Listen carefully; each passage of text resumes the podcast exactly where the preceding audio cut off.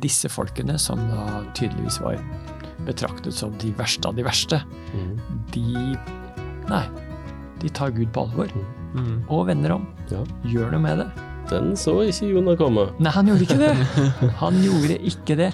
Og det verste er at altså, Gud jobber iherdig for de menneskene der. For at de skal få et bedre liv.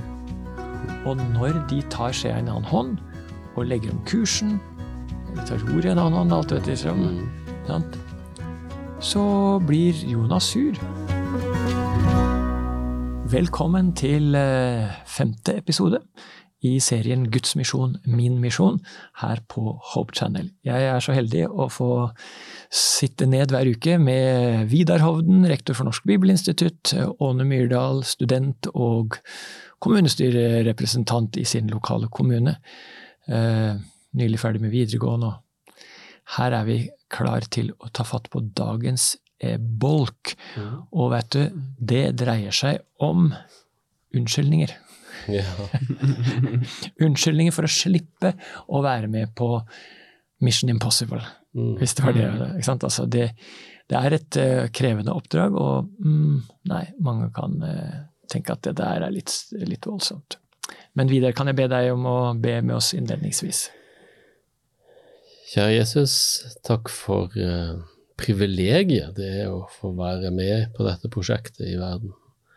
Og når eh, vi fristes til å vike unna og unnskylde oss, så må du vise oss hvor rikt og spennende det er å få lov til å være med. Amen. Amen. Hm. Vet dere det, at i dag er det altså én enkelt bok vi skal konsentrere oss om? Mm.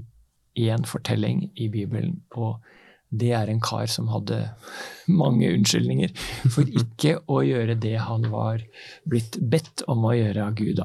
Mm. Jonah er mannen, han er historiens hovedperson, hvis ikke vi kan si at Gud er historiens hovedperson, men dog.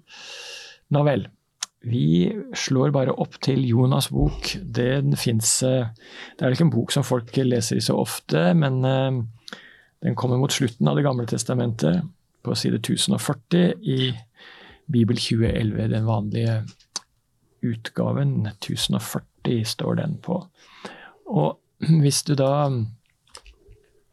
finner denne historien, så, så skal vi allerede i det andre verset så får vi klar beskjed om, om hva som er, hva skal jeg si, plottet Mm. i, i denne historien.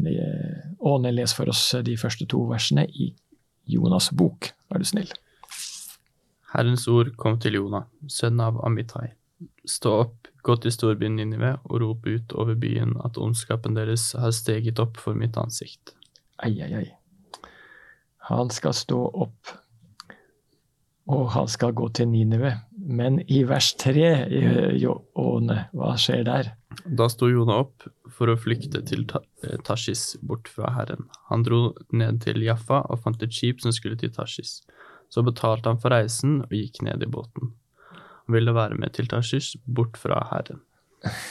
Så han gjorde første delen, han sto opp. Han sto opp. Men Tashis, det er sånn type borti Spania omtrent. Ganske motsatt retning, i hvert fall. motsatt. For Ninive, det, hva slags by var det? Uh, ja, Det var Asyrrikets hovedstad, var det ikke det? Mm. Ja, det var Asyrrikets hovedstad. Eh, og uten at jeg skal klare sånn helt uh, å pinpointe, det må jo ligge i dagens Irak-type ting. Ja, noe sånt. Ja, Så det, det, det ligger bortover mot disse elvene.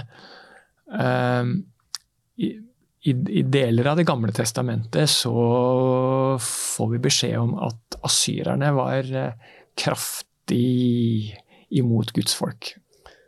Ja, og de var historisk kjent for å være veldig voldelige. Ja. De var ikke noe Altså, de var brutale. De var spesielt brutale. Var det datidens ISIS? Ja, kanskje det. Det Um, beskrevet som tegn, altså, Hva?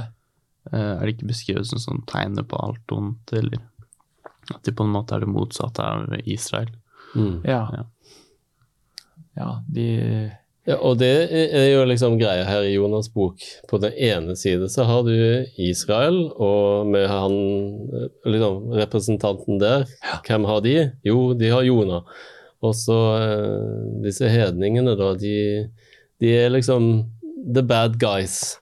Eh, og Jonas skal liksom være the good guy, men alt blir jo snudd på hodet her. Fordi Mm. the good guy blir jo etter hvert the bad guy, og the bad guys uh, ender opp med å være the good guys. Eh, eh, ganske I hvert fall sånn som den kommer til oss, eh, så er det en ganske sånn satirisk fortelling. Ja da. Mm. Fordi eh, de som skulle liksom være de som drev dette prosjektet i, videre i verden, Guds folk, Israel, de gjør en ganske slett jobb av oss. Og veldig. um, og ja, vi kommer kanskje mer til det etter hvert. Og og da er det denne frykten da, som er det første Mm. av de unnskyldningene for å eller, Unnskyldningene til ikke å bidra. Det er den frykten. Og hadde Jonah en god grunn til ikke bare å frykte, men å flykte? Ja, jeg tror kanskje. Hva sier Jone? Nei, jeg hadde jo Hadde jeg blitt bedt om å dra til eh, landet som på en måte er tegnet på alt ondt, så hadde jo jeg også vært eh, eh, skeptisk, om ikke eh, hadde lyst til å rømme fra situasjonen, kan man på en måte anta. Ja, det er bare det å reise til Oslo og stille seg opp og Spikersuppa ja, eller noe et eller annet og forkynne at eh, hvis ikke dere vender om, så kommer Oslo til å gå med som i filmen. Skal jeg driste meg til å dra dette til litt sånn nåtidig og si hvis oppdraget var Gode Åne, oppdraget i dag er ta toget til Moskva, still deg opp og si eh, noen sannhetsord. Om Putin. Ja, da, det, ja. Ja, ja det gir noen perspektiver, da. Eh, frykten hadde satt inn, tror jeg. Ja. Eh, om jeg hadde flyktet, det kan vi kanskje diskutere, men uh. Nei, men, men, men altså, vi kan, kjenne, vi kan kjenne på at det, det der Nei, det hadde du ikke noe Hadde du ikke noe annet jobboppdrag i dag, Gud? Ja, ja, ja. Mm. Det er ikke så enkelt å være profet, skal jeg si. Nei, så han, han, han drar motsatt vei, da. Ja. Han drar motsatt vei. Eh, asyrerne inntok jo Samaria, det som var hovedstaden i det nordlige. altså Jødefolket de ble jo delt, disse stammene. ikke sant? Sånn at det, den nordlige delen av det var Israel, og der var Samaria hovedstaden. Jeg tror det var på 700-tallet. eh, 722. 722, ja. Da kom eh, han og raste inn. Men nå skal det sies at Jonah han var nok i sving før det. Sant? Ja. Så, så, så vi, må, vi må passe på når vi leser Bibelen, at ikke vi bare kollapser historien. Altså, historiens flyt er det jeg snakker om nå. ikke sant? At ikke vi bare kollapser den inn til én ting. fordi eh, han kan ikke være redd for ting som skjedde 100 år etter sin død. Nei, samtidig vet vi veldig lite om uh, når denne Jonas, sønn av Amitai, levde. Vi gjør det. vi gjør det, Eh, vi gjør det. og for så vidt er det ikke avgjørende for min del, i hvert fall for budskapet i boka, at han levde. Men eh, eh, ja, vi har det å gå på at Herrens ord kom til Jonah, Ja. sønn av Ja. Amitai. Men noen antyder at han levde sånn rundt 790 uh, sju- Altså først, er sant, 700 og Så litt tidligere, da, Mm. er det noen som mener. Nå vel, Ja. det, det skal ikke få være avgjørende. Vi, hvorfor lar vi være å gjøre ting som vi blir redd for?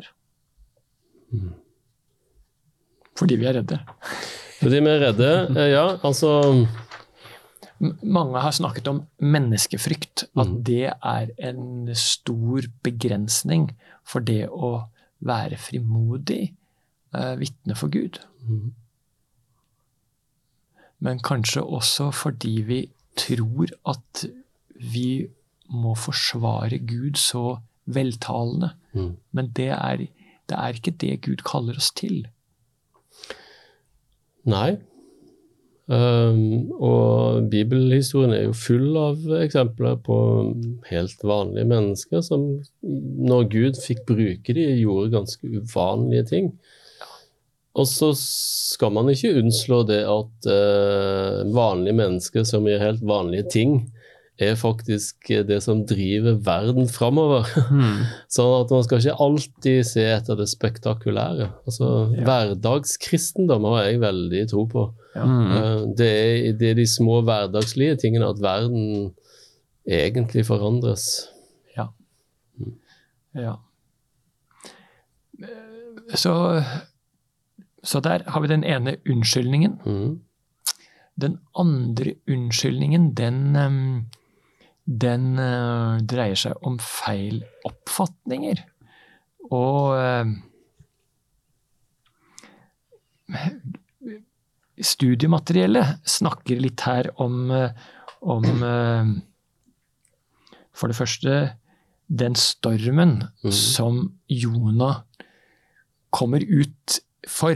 Mhm. Og eh, Jonah trodde at stormen var hans feil. Mm. At han var årsak til stormen. Eh, fordi det, det står eh, i, i første kapittel og vers 12 så står det ja, Vi må kanskje lese, lese fra vers 10, da. Det, det, det ble en svær storm. Eh, da ble mennene grepet av stor redsel. De sa til ham, hva er det du har gjort? For de visste at han hadde flyktet bort fra Herren. Det hadde han fortalt dem. han, er, han er profet, og så, og så sier han «Hm, Folkens, jeg er på flukt fra arbeidsgiveren min. Ja. Men det morsomme er jo at det er liksom han som skulle tatt uh, Guds kall på alvor, han ligger og sover nede i båten. Ja. Mens uh, de som i hans narrativ var liksom uh, slaskene og hedningene, de Hva er det du gjør? Er du helt gal? Du kan ikke flykte fra Gud. Så da sier de i vers 11, hva skal vi gjøre med deg? Så havet kan falle til ro omkring oss, for stormen på havet blir sterkere og sterkere. Han svarte, løft meg opp og kast meg i havet, så vil det slutte å rase, for jeg vet at det er min skyld at den sterke stormen har rammet dere. Jeg er litt sånn Er det å bruke denne Ja, feiloppfatninger. Øh, var det ikke på grunn av han, da? Eller var denne stormen helt tilfeldig? Eller altså I don't know. Det er ikke så, det er ikke så godt å si. Nei, det er veldig vanskelig å vite, egentlig. Men jeg tenker jo at generelt at Gud kan bruke uh, i utgangspunktet negative ting til noe positivt. Ja. Uh, I dette tilfellet å vekke den gode Jonah opp til realitetene. Mm. Um, men at Gud sendte stormen og satte noen i fare, ja ja, det Nei, det, det er en del ting her som jeg må få klarhet i seinere i historiens løp, tror jeg. mm, Um, Men eh, du nevnte det at eh, disse kara som eh, i Jonas' øyne var noen eh, slabbedasker og sånt Mm. noe, de står det her De er 14. pliktoppfyllende og Ja, gjør jobben sin. Mm. De, de Er du gæren?! og så rodde de på for å komme tilbake til land, men det greide de ikke. Ja. Og så, da de ikke klarte det, så står det i vers 14, da ropte de til Herren, Herre, la ikke Mm. oss gå under fordi denne mannen mister livet. Ja, så de ber til Gud. De det gjør ikke han. Nei, Eh, og de, til å begynne med, vil de jo ikke kaste han på sjøen. nei. Nei, sant? Så det er jo de som er de nådige og fornuftige Mm. og pliktoppfyllende og ja. Og det er en skikkelig uh, vekker. Mm. Vi må ikke la frykt for andre mennesker få oss til å tro at nei, nei det finnes sikkert ikke noe gudsfrykt her. Og det minner meg om noe som jeg lærte en gang jeg ble sendt til eh, ja, faktisk Australia, sånn som Mm. britene sendte sine krigsfanger i sin tid. Uh, nei, eh, jeg ble sendt til Australia for å være på en sånn uh, field trip, hva heter det på norsk? Ja, en, en prosjektreise eller Ja, ja, en sånn studiereise. studiereise. Mhm. For å lære om uh, For de var ganske flinke på det tidspunktet rundt år 2000 til å, å plante nye menigheter i en sekulær kultur. Da. Så vi i Norge og Skandinavia skulle ned og se litt på noen av kirkene deres. Og noe av det som slo meg, det var at deres tankegang var at det er ikke oss som er liksom Vi har alle svarene, vi vet alt, vi kan alt. Nå skal vi lære de der, der ute i, i lokalsamfunnet. Nei. De, eh, fra dag én, når de skulle starte en menighet, så fant de noen som var engasjert for ungdom. Og så var den personen med fra dag én, fordi man så at Gud var allerede i gang å virke på mennesker utenfor menigheten. Og, og det fantes flotte, gode, eh, rettferdige mennesker som ikke var kristne. Og jeg, jeg, tenker dette minner meg om det. Altså, Det er ikke sånn at vi kristne vi har liksom svarene, og nå skal vi fortelle alle de andre uvitende der ute i verden om ting. Uh, nei, kanskje, kanskje, kan de lære oss noe. Uh, kanskje har Gud lært de noe som vi trenger å lære. Ja. Mm. Og, og, vi er ikke alltid eh, løsningene, vi er òg en del av problemet. Uff da, vi der, det var jo trasige greier. ja. Så, så, Gud er mye større enn stammene eller ja. mm. bekjennelsene eller men vi har også våre feiloppfatninger om saker og ting. Mm. Vi, vi, kan lett komme til å tenke at uh, skal dette lykkes, så avhenger det av meg. Ja. Men mm. Gud rår over helt andre ressurser. Uh, selv om vi liker å være viktige, så, så, har Gud flere på laget. Vi er viktige, men uh, det skal ikke gå til hodet på oss. Absolutt ikke. Absolutt ikke. Nå vel. Det var uh, unnskyldning nummer to. Mm. Feil oppfatninger. Unnskyldning nummer tre er at vi kan tenke at uh, nei, vi er bare brysomme. Og da kan vi lese litt fra kapittel tre i Jonas sin uh, bok. Hvis vi leser versene fire og fem, så ser vi hva som skjedde når Jonah begynte å rusle innover til byen. Åne, tar du det? Ja. Jonah begynte å gå innover i byen, og da han hadde gått en dagsreise, ropte han. Ennå 40 dager, så skal, vi til Nineve, så skal Ninive bli ødelagt. Da trodde folken i på Gud, de ropte ut en faste og kledde seg i sekkestrir, både store og små. Ja. ja. I mine ører så ser vi her både en feiloppfatning og det der, den tanken at han opplever seg som brysom. Men han hadde jo fullstendig feilkalkulert. Mm. Eh, for de som ikke kjenner historien, så er altså nå Jonah kommet til Ninive, til tross for at han dro i stikk motsatt retning. Mm. Men eh, da sjømennene kasta han over bord, så kom det en eh, svær sjø, sjøgående dyr som tok tak i mannen og gurgla han opp på landet nærmere dit han skulle, sannsynligvis. Mm. Um, ja. Ja. Um, og det, jeg må si det er en ganske kort tale han holder. Mm. Ennå 40 dager, og så skal Nineve bli ødelagt. Ikke noe venn om for deres gjerninger, men det er liksom ennå 40 dager. Jeg, jeg tenker Altså, sånn som boka er skrevet, så tenker jeg det er på mange måter en satirisk bok. Fordi eh, dette er en irettesettelse til Israel som hadde blitt veldig selvopptatte, antageligvis. Um, og jeg tror denne 40 dager-henvisningen viser jo til uh, ørkenvandringen. Um, så dere har vært der uh, og fått uh, blitt satt på valg sjøl. Ja. Uh, så dette er ikke noe nytt. Og nå får de valget, og liksom skal dere være uh, ordentlige folk eller ikke? Og de gjør det jo ordentlig bra. Israelsfolket hadde en dårlig merittliste på de 40 årene de var ute i ørkenen sin. Ja. Så Det er jo veldig opplysende her, da, eller hva skal jeg si, at disse folkene, som da tydeligvis var betraktet som de verste av de verste, mm. de Nei. De tar Gud på alvor Mm. og vender om. ja, Gjør noe med det. den så ikke Jonah komme. Nei, han gjorde ikke det! Han gjorde ikke det. Mm. Og det verste er at altså, Gud jobber iherdig for de menneskene der. For at de skal få et bedre liv. Mm. Og når de tar skjea i en annen hånd og legger om kursen, eller tar ordet i en annen hånd, alt vet liksom, Mm. Så blir Jonas sur. Mm. Mm. Ja. Det var det jeg visste! Du er altfor nådig, Gud!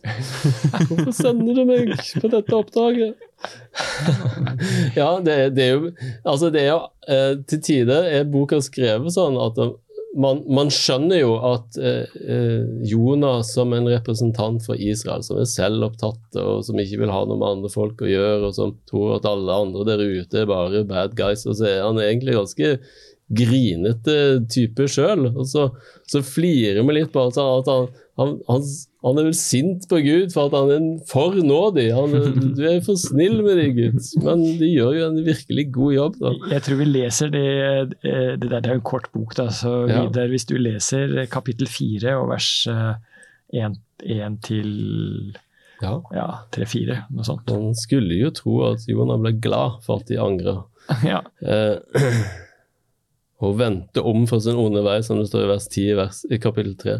Men dette mislikte Jonas sterkt, og han ble sint. Han ba til Herren, Herre, hva var, uh, var det ikke det jeg sa da jeg var i mitt eget land? Det sa han vel egentlig ikke, men ok, han har kanskje tenkt det. Derfor ville jeg skynde meg å flykte til Tarsis. Så her er unnskyldningen at han uh, tenkte at nei, Gud er for nådig, dette kommer aldri til å gå bra. For jeg vet at du er nådig og barmhjertig Gud. Du er sen til vrede og rik på miskunn, så du angrer ulykken. Men nå, Herre, bare ta livet mitt, for jeg vil heller dø enn leve. og da sa Herren, er du virkelig så sint? ja, det er nesten som jeg, jeg, jeg jeg, altså, jeg har jo hatt barn, og når treåringen blir veldig trassig, sant, så må du bite deg litt i tunga for å ikke begynne å le litt, for dette er nesten komisk. sant? ja. Han blir sint på Gud, så sint at han har lyst til å dø fordi at han er, er for snill med ninivittene. Det er jo ganske latterlig, egentlig. Ja. Er du virkelig så sint? Hva feilte det egentlig Noah? Oi, Noah, Jonah. Hva feilte det Jonah? Mm. Hva var hans store problem? Det virker som han var nesten var litt sånn stolt da, Mm. over profetien sin. At han på en måte, når den ikke gikk i oppfyllelse på den måten han ville, så var han jo, virket han jo å være Mm. eh, misfornøyd, men også altså oppriktig sint, da, tydeligvis. Jeg vil det være riktig å si at han blir offer for sin egen stereotype oppfatning av andre mennesker. Mm. Ja, og jeg tror han hadde blitt veldig selvopptatt, og at han som representant for israelsfolket Ja. representerer en, en, en veldig sånn selvopptatt holdning, eh, og en nedlatende holdning, og en, ja, overfor andre Mm. som av annen tro. Men det blir irettesatt, da. Han får lære sin leksjon. Ja. Men det er det at eh, man, man tror ikke at, eh, er gudsfrykt andre steder utenfor sitt eget miljø. Det er kjempefeil å gjøre. Mm. Fordi altså særlig i vårt land så lever vi i vår kultur, det er en slags åndelig sjenanse. Mm. For mange sitter det lengre inne å snakke om tro og, og religion enn å snakke om sex. Ja, Ikke sant? det er mer tabubelagt. Ja, det er mer tabubelagt. Og ehm, ja. Og derfor så har, har vi lett for å tenke nei, det fins nok ikke noe gudsfrykt. Og den, den feilslutningen, den trakk jo Abraham selv. Mm. Eh, var det ikke Gerar han var eh, når han sant, eh, ber kona om å si at det er min søster, og så blir kona tatt til hoffet, Mm. og, og, og når kongen da Kongen han får en drøm fra Gud Mm. om at hallo, dette er ikke riktig. Og, og, da unnskylder Abraham seg med «Øh, jeg var sikker på at det var ikke noe gudsfrykt her. Mm. Sier han, kan han våge seg å si til en mann som nettopp hadde fått et signal fra Gud? Mm. Ja, og han er jo mer moralsk oppegående enn Abraham på mange måter. Ja, det, Ja. sant.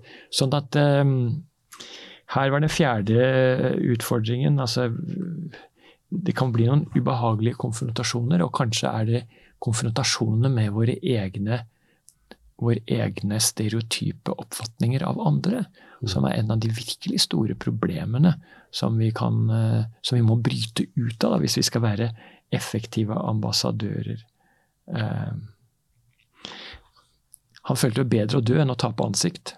Ja. Eller sånn som han følte det. Han Ja, følte det, ja. det var å tape ansikt. Mm. Så Gud måtte korrigere verdensbildet Mm. til Jonah. Mm. Mon tro om ikke det er noen verdensbilder oppi våre hoder også, som trenger korreksjon. Mm. Kanskje Ja. Ja. Nei, altså, jeg, jeg bruker ofte å si at Gud er mye større enn våre kirkesamfunn eller trosbekjennelser eller religioner eller hva det er. Altså, Gud er Det som, som vi har sett på i første Mosebok 12 eh, Altså, Gud han har hele verden, hele menneskeheten for øye. Ja. Eh, og hvis vi som liksom er de som skal ut i verden, blir så opptatt av at vi er utvalgt, at vi blir eh, for fokusert på oss sjøl, så må Gud Mm. ta på oss litt på skulderen. Ja. Mhm. Og, og, og, og, studiemateriellet vårt her ber oss om å tenke gjennom følgende spørsmål. Hva vil vi gjøre med Guds omsorg for eh, de onde, mobberne, dem som eh, ikke er nådd over Mm. hele kloden? Mhm. Og det slutter jo boka med òg. Ja, Altså, han får jo en sånn en busk som han kan søke tilflukt under, og den visner, og den ble han sint for òg, og han vil dø en gang til. Og du hadde omsorg for risinusbusken, sier Herren, som du ikke har hatt noe arbeid med, eller ikke fått til å vokse opp, og som på, en natt ble ødelagt. Skulle ikke jeg ha omsorg for storbyen Ninive? Ja. Hvor det er mer enn tolv ganger 10 000 mennesker som ikke vet forskjell på høyre og venstre, og hvor det også er en mengde dyr. Så hallo, våkne opp. Eh, de menneskene er verdifulle for meg, og til og med dyrene der. Igjen så møter du skaperen som er opptatt av eh, at verden skal være et sted som blomstrer på hans måte, der folk har det godt, og der folk blir tatt vare på, og dyrene. Jeg syns det er litt fint. det er At Gud tenkte på dyrene i Nineve òg, det var en del av grunnen. Kjempetøft. spennende. Vi skal bare runde av Ja. å, å se på én respons som, mm. hos en mann som Gud kaller en helt annen mann. da. Jesaja. Mm. Han er jo en av de virkelig svære i Det gamle testamentet. Og i det sjette kapitlet så får vi lese om Gud som kaller eh, Jesaja til oppdraget til å være med. Uh, og det er, liksom, det, er en, det, er him, det er et himmelsk vesen som kommer og berører Jesajas munn med en glo fra sant, det alteret. Det er, det er sånn symbolikk fra helligdommen, dette her. Men det å bli berørt av, eh, av dette her, da. Og så kommer spørsmålet i vers 8, kapittel 6 og vers 8. Da hørte jeg Herrens røst. Han sa, Hvem skal jeg sende, og hvem vil gå for oss? Jeg sa, Jeg. Opp med hånda, ikke sant. Send meg. Eh, vi snakket om det forrige gang, at det å være ambassadør kan by på store utfordringer. Kanskje er det en av de store utfordringene, det er verdensbildet vårt som må korrigeres. Gud må gjøre noe med tankene våre om hvordan vi skal te oss overfor mennesker som ikke møter opp i kirka hver uke, eller ikke sant? Mm. Som ikke akkurat flagger et kristent ståsted. Hvem er de, mm. og hvilke behov har de? Ja. Så, så Dagens utfordring. Dagens utfordring. Det er ganske stilig. Lag en liste over ti personer. Be for dem. Se dem. Og lytt til dem. Mm. Hva? Mm. Mm -hmm. Kjempebra. Ja. Vidar, be oss til avslutning. Kjære Jesus, la oss uh, ha åpne ører øyne på vår kultur og vår tid. La oss lytte hva som skjer der ute. Uh, og la oss uh, ikke være sånne jonaer som går rundt i vår egen verden og surrer og tror at alt handler om oss. Eh, la oss ha ditt blikk på verden og på menneskene rundt oss. At du vil at alle skal uh, ha det godt og bli frelst, og at verden en gang skal bli det du hadde tenkt. Og at vi kan få lov til å være ambassadører for velsignelse i denne verden. Amen. Åne, Vidar og jeg, vi har kost oss i denne samtalen her. Det har vært spennende, som vanlig. Og vi håper at du også er blitt beriket av å lese tekstene og høre samtalen. Hvis du vil møte en gruppe mennesker som er opptatt av det samme, og møte dem ansikt til ansikt, så klikk deg inn på adventist.no. Finn fram til Finn en kirke-seksjon, og der kan du scrolle deg til den kirken som er nærmest deg. Oppsøke fellesskapet, være med på disse samtalene. Uansett er vi tilbake neste uke, samme tid, samme sted. Vi ses. Vel møtt.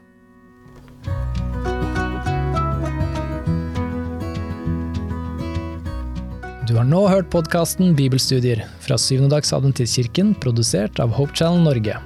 Husk å følge podkasten, og inntil videre Guds velsignelse.